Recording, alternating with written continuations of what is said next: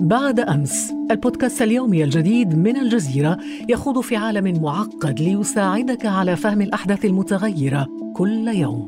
دائما ممتع دائما راهن دائما هناك.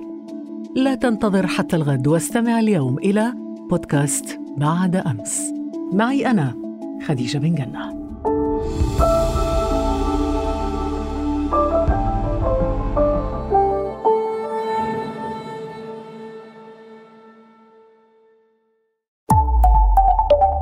الجزيرة بودكاست. ارتكزت هذه الحلقة إلى البحث في المراجع والمصادر الموثوق بها وكتبت بضمير المتكلم لمقتضيات العمل الدرامي.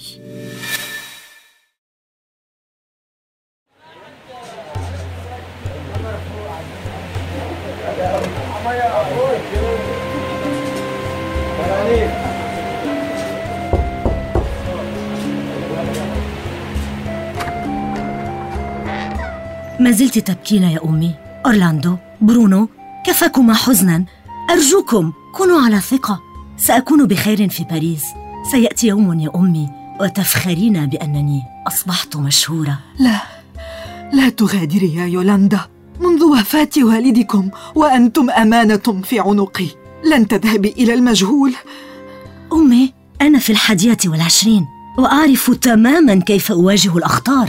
أرجوك أمي السائق يناديني سيفوتني موعد الإقلاع. أغلقت الباب على عائلتي وطفولتي وصباي في حي شبرا الشعبي في القاهرة. وبدأت رحلتي أنا يولاندا جيليوتي أو كما تعرفونني داليدا. ومشيت إلى حيث تجذبني الأضواء. ترى هل تحقق المجد الذي حلمت به؟ أم كانت هواجس أمي في محلها؟ عبر بودكاست رموز من الجزيرة سأحكي لكم قصتي وسترافقني سيلينا. قصتك مثيرة يا دليدا من كنف البيت الهادئ إلى عبثية الأضواء والعشق المرير والانتحارات المريعة. أخبرينا.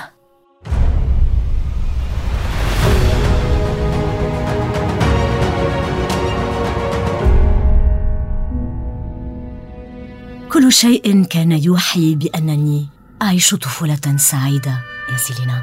فأنا الفتاة الوحيدة بين صبيين لأب وأم من إيطاليا.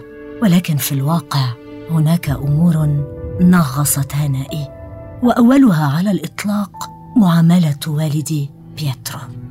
كان والدي عازف الكمان الأول في أوبرا القاهرة لكنه لم يكتسب الرقة من الكمان بل كان قاسيا ومتزمتا معي إلى حد لا يطاق. حتى رفيقات المدرسة كان يحرمني من مرافقتهن ويوم الإجازة كان يسمح لأورلاندو وبرونو أن يلعبا مع الرفاق لكنه يطلب مني ملازمة البيت ومساعدة أمي. متنفسي الوحيد هو اللحظات التي كنت أهرب فيها إلى الكنيسة. هناك ينتظرني صبي إيطالي مثلي اسمه أرماندو. هو حب الطفولة الأول. ونشبك الأيدي خفية كم كان ذلك جميلا. ربما الظروف زادت من قسوة والدي. ففي الحرب العالمية الثانية كانت مصر تحت نفوذ الإنجليز وقد اعتقلوه بتهمة تعاونه مع الفاشيين. وعندما خرج من السجن بعد أربع سنوات كان منهكا وعصبيا جدا وكان يعنفنا أحيانا نحن وأمي. ولذلك كنت أكرهه. ولم أقدر ظروفه وفي داخلي تمنيت له الموت أحيانا. وهذا ولد في شعورا بالذنب لازمني طوال حياتي. كنت أشعر أحيانا بأن لي دورا في موته. وهذا الشعور بالذنب كان يحضر في كل علاقة أقمتها مع رجل. لقد بالغت حقا في القسوة عليه. على الأرجح. كان والدك يعتقد أن هذا أفضل سبيل لحمايتك. كالكثير من الآباء خصوصا في ذلك الجيل. هل نسيت بأي رقة كان يحاول التخفيف عنك عندما تؤلمك عينك اليمنى نتيجة العمليات الجراحية التي أجريتها؟ هذا صحيح يا سيلينا وفي أي حال عندما مات والدي حزنت عليه. أعتقد أنني بالغت في نقمتي عليه. لسبب آخر. ربما كان ذلك تنفيسا للاحتقان الذي سببه لي الحول والجراحات الفاشلة. بعد كل جراحة كانت توضع ضمادات على عيني لفترات ليست قصيرة فأغرق في الظلام. وكان هذا يثير في مشاعر الخوف. عندئذ كان والدي يجلس قربي ويخاطبني. لا تخافي يا يولاندا. سيكون كل شيء على ما يرام يا ابنتي ويعزف لي على الكمان حتى أهدأ.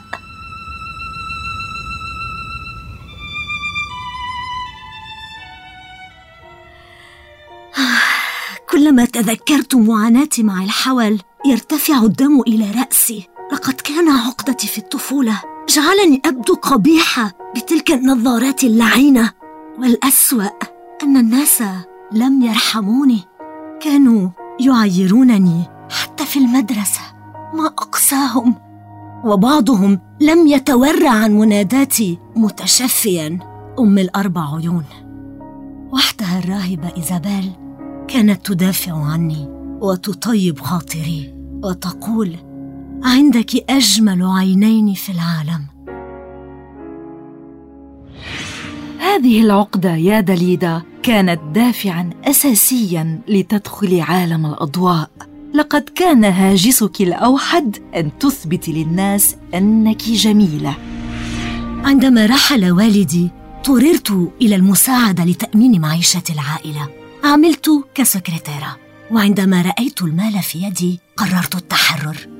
أذكر أنني في عمر السادسة عشرة رميت النظارات من النافذة وقلت لنفسي أنا لست بشعة. ومنذ تلك اللحظة بدأت أبحث عن فرصة لدخول عالم الفن والشهرة. مذ كنت طفلة كانت في ذهني إليونورا دوس. إنها عمة والدي التي لطالما حدثنا عنها ممثلة مسرحية بارعة. كنت أحلم بأن أكون مثلها. روميو أنا جولييت جئت إليك يا حبيبي. وبعد عامين جاءت اللحظة المناسبة. في البداية كانت مباراة الجمال. رفضت أمي أن أشارك. فذهبت تسللا وحلفني الفوز. انكسر جدار الخوف وصرت مستعدة لوثبة أكبر. بعد ثلاث سنوات جاءت الفرصة الكبرى. المباراة على عرش الجمال في مصر. أمي رفضت طبعا. كيف تتقبل ظهوري على المسرح بلباس البحر؟ لكنني أيضا غفلتها وشاركت وكانت الصدمة. يولاندا جيليوتي ملكة جمال مصر للعام 1954 كانت المباراة منصة إلى الشهرة. فقد حضرها ثلاثة مخرجين المصري نيازي مصطفى الفرنسي مارك دوغاستين والأمريكي ويليام ديترل. وجميعهم أشركوني في أفلامهم خلال أشهر قليلة. كان ويليام يصور فيلما عن قصة يوسف وأخوته من بطولة ريتا هيورث فاختارني دوبلور لها. وفي الأقصر حيث التصوير وجدت نفسي أمام ممثل صغير يبحث عن الشهرة مثلي. إنه عمر الشريف. بعد ذلك أعطاني نيازي دورا في فيلم سيجارة وكاس. فغنيت ورقصت. وهو اختار اسم الفني بصيغته الأولى دليلة لأنني أشبه هادي لامار بطلة فيلم شمشون ودليلة. وأما مارك فأعطاني دور راقصة جاسوسة في فيلمه قناع توت عنخ آمون إذا خلاص انطلقت وبدأت أحلم بالعالمية. طبعا وكان الجواب جاهزا عند مارك. إنها باريس. لم أفكر كثيرا. وافقت وبدأت الرحلة. للصراحة كانت رحلة إلى المجهول. سافرت مع مخرج غريب إلى حياة مجهولة وأنت التي لم تعرفي إلا البيت والمدرسة في شبرا.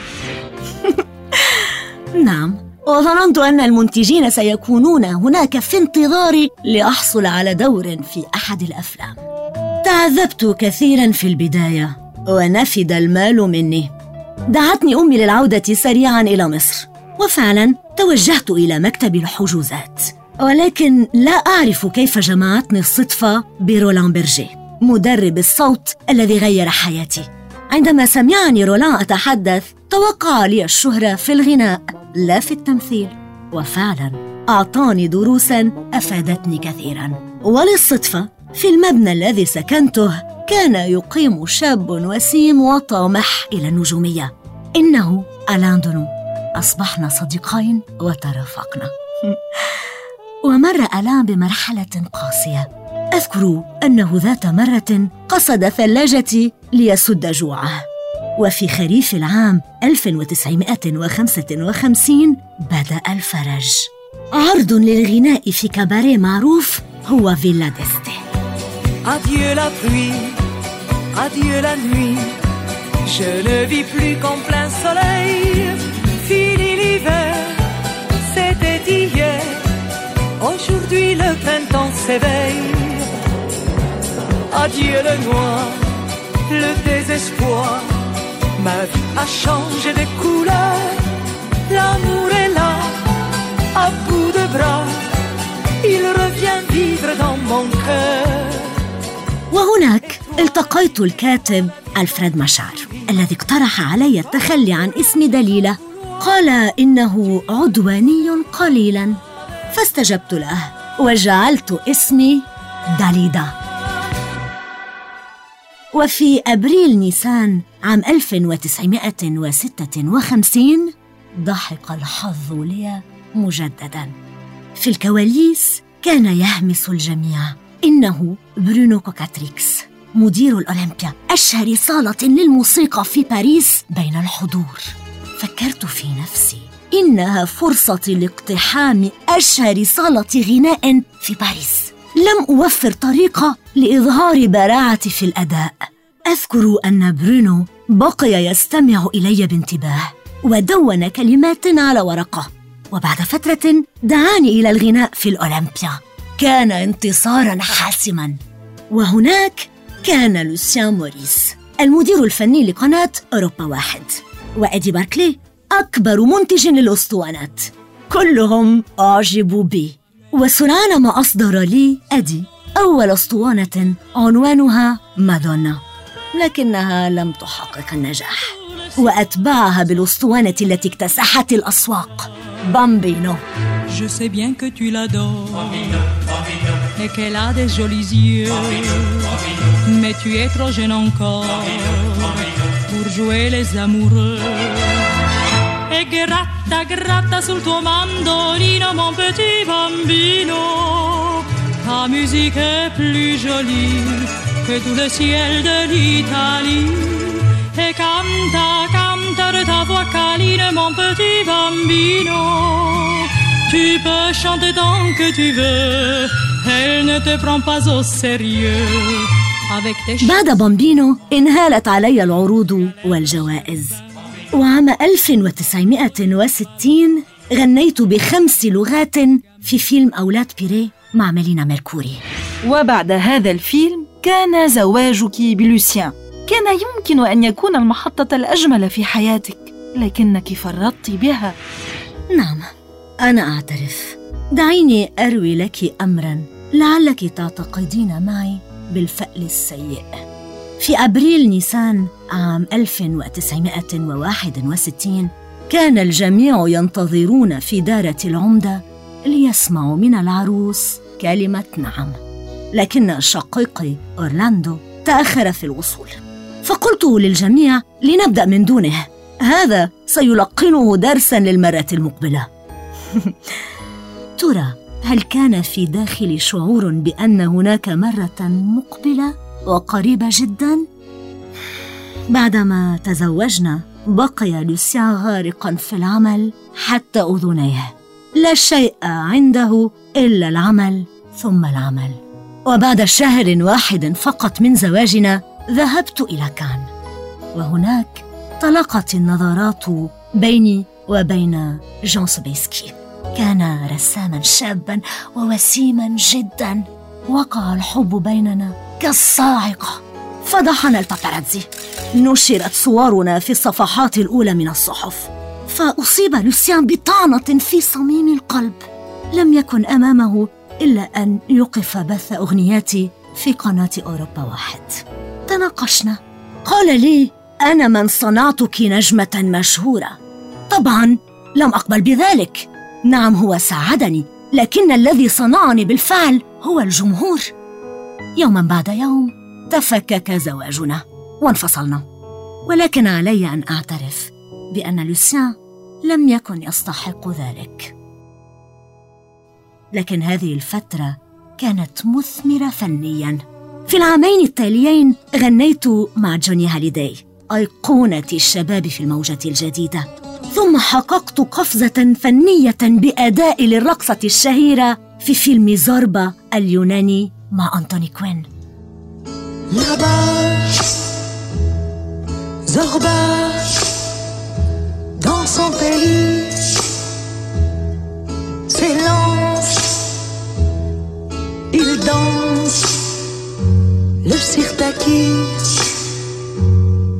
Déjà, la joie conduit ses pas, viens, il nous tend les bras. وما أن أطل صيف العام 1966 حتى أقبلت على حب جديد. إنه لويجي تانكو. غنيت معه في روما. كان وسيما في التاسعة والعشرين. عيناه سوداوان وصوته أخاذ. كان طموحا لكنه مغمور. إلى حد ما. وعندما تعاونت معه سلطت عليه الأضواء. وفي مطلع العام التالي كتب لي أغنية وداعا يا حبي وداعا تشاو أموري. تشاو.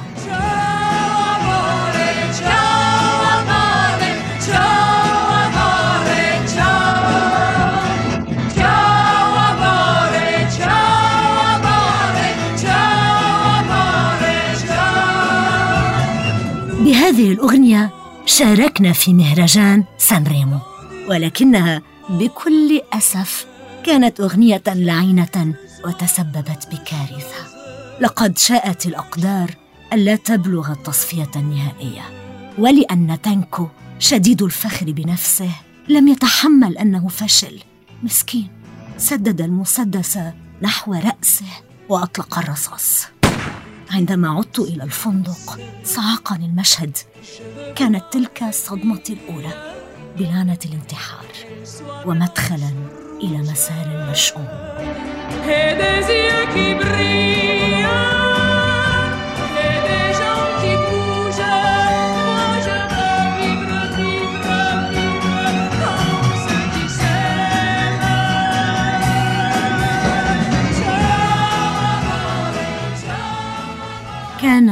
لويجي حلقة أولى في سلسلة انتحارات ومحاولات انتحارات مؤلمة. وأول الغيث كانت محاولتي للانتحار. فأنا لم أتحمل الخسارة بفقدان لويجي. وبعد شهر تماما على رحيله في السادس والعشرين من شباط فبراير قررت اللحاق به. دخلت غرفتي وتناولت كمية من المهدئات وأويت إلى الفراش. ولكن في اللحظات الأخيرة جرى إنقاذي بعد ذلك عشت قصة حب بقيت سرية إلا على أورلاندو وبعض القريبين Il venait d'avoir 18 ans, c'était le plus bel argument de sa victoire.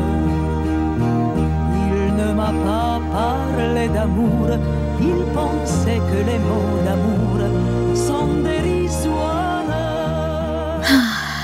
هذه الأغنية تفتح في جروحا موجعة إنها تحكي قصتي مع لوتشو الذي كان آنذاك قد بلغ للتو الثامنة عشرة. وقلائل جدا يعرفون قصة هذه الأغنية التي اكتسحت الأسواق. بعد انتحار لويجي تعلقت بلوتشو. تطورت علاقتنا ووجدت نفسي حاملا. لكنني أجهضت الطفل لاعتقادي أن عمر الوالد لا يؤهله لتحمل المسؤولية. بعد ذلك لم ينفعني ندم العمر كله. اكتشفت أنني طبيا صرت عاجزة عن أن أصبح أما. يا لخسارتي التي لا تعوض.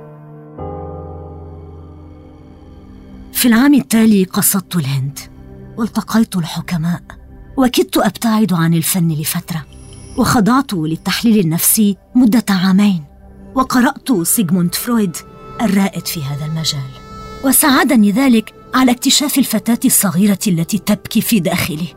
ولكن ما كادت جروحي أن تلتئم حتى جاء دور زوجي السابق لوسيان في الانتحار. شاء القدر أن يذيقني مرارات الموت المتتالية. كان لوسيان يعاني الاكتئاب بعد طلاقنا وقد تزوج امرأة أخرى. وكما فعل لويجي لوسيان أطلق الرصاص على رأسه ورحل. ولكن ألا تشعرين بانك ساهمت في كابه لوسيان كان يزاول عمله المهني. فدخلت حياته وسددت إليه طعنه الخيانة في الأسابيع الأولى من زواجكما.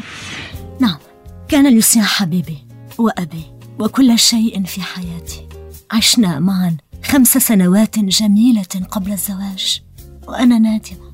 وعندما نكون في عمر الشباب نرتكب الأعمال الطائشة.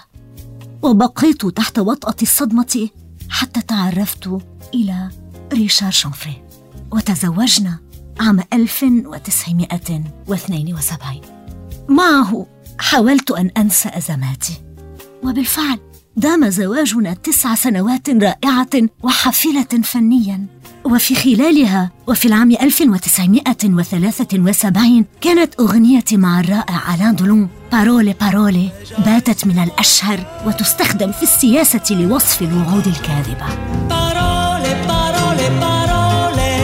Écoute-moi. Parole, parole, parole. Je t'en prie. Parole, parole, parole. Je te jure. Parole, parole, parole, parole. Parole, encore des paroles que tu sais mon mot. وفي العام التالي أقمت حفلات في اليابان ثم كيبيك في كندا وبعد أشهر زرت ألمانيا وفي فبراير شباط حصلت على جائزة أكاديمية الأسطوانة الفرنسية. وفي العام 1975 أدخلت الأغنية الفرنسية في موجة الديسكو. من سمع جيجي لاموروزو أو جيجي العاشق ولم يرقص طرباً؟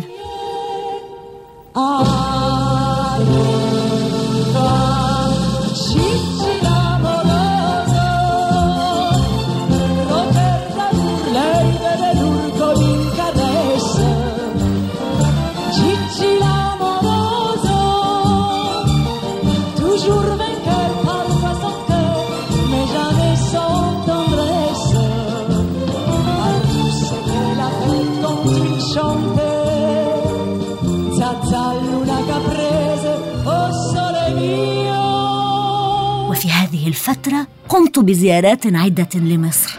إحداها بدعوة من الرئيس أنور السادات.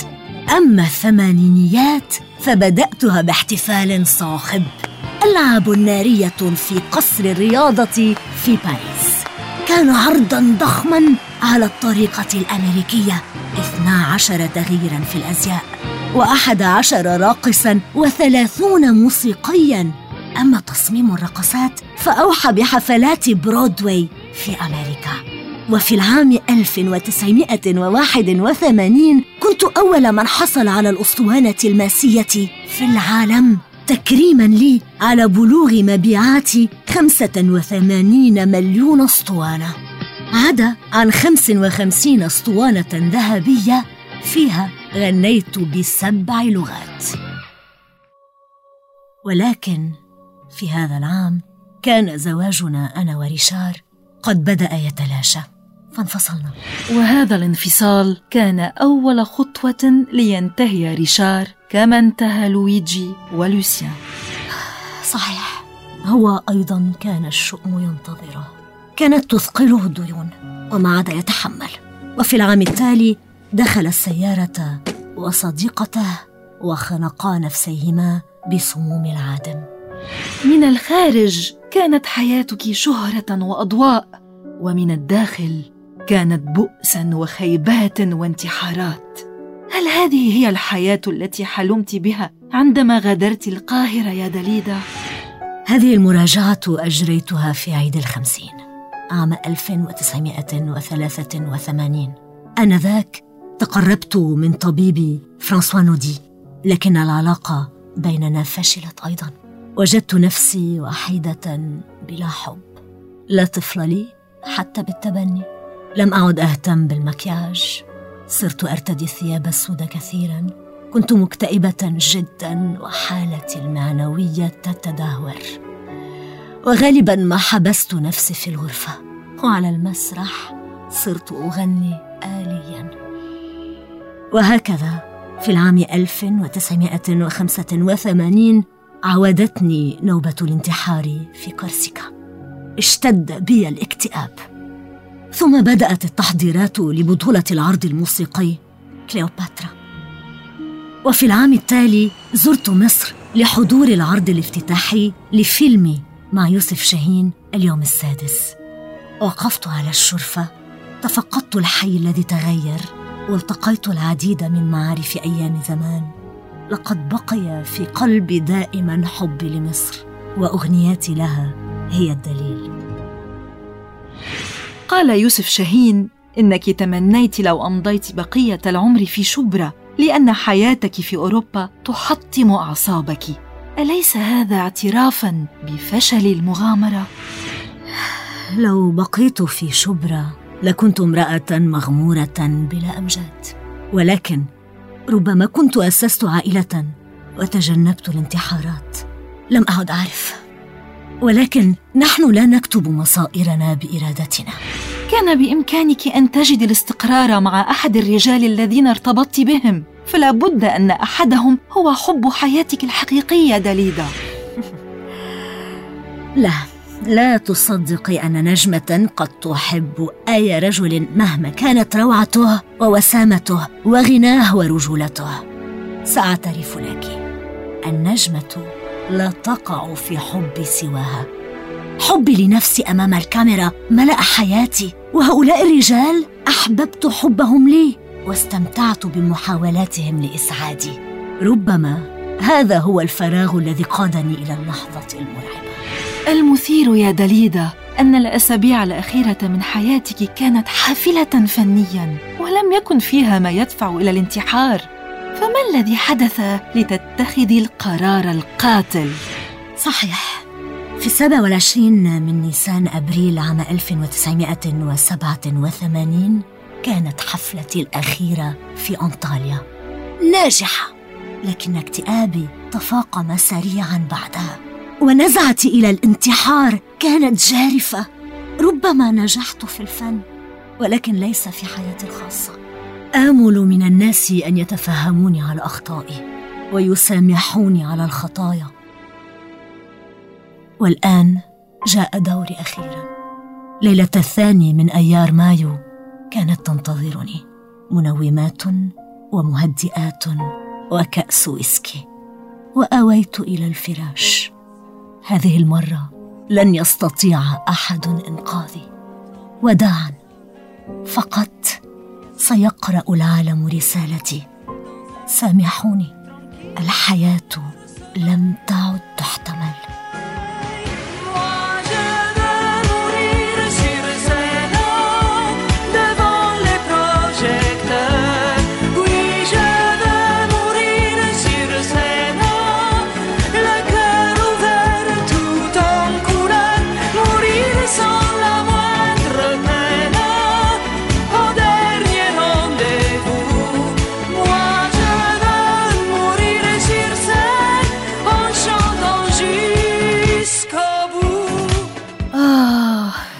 هذه الأغنية يا دليدا أريد الموت على المسرح.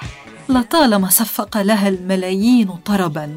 وأما أنت فكنت تقصدين كل كلمة فيها. الفارق هو أن الموت جاءك على خشبة السرير لا خشبة المسرح. في أي حال تركت إرثا فنيا رائعا يا دليدا فشكرا لك وشكرا على الرواية أيضاً.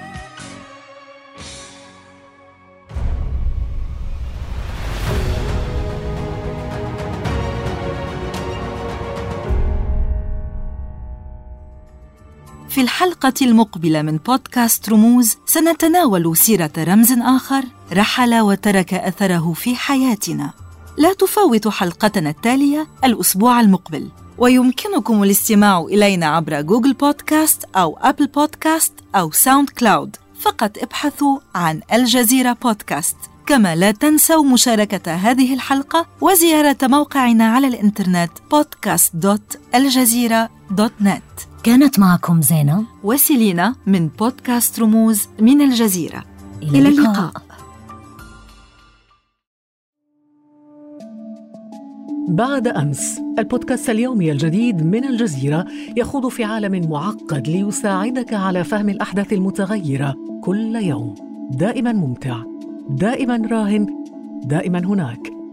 لا تنتظر حتى الغد واستمع اليوم إلى بودكاست بعد أمس.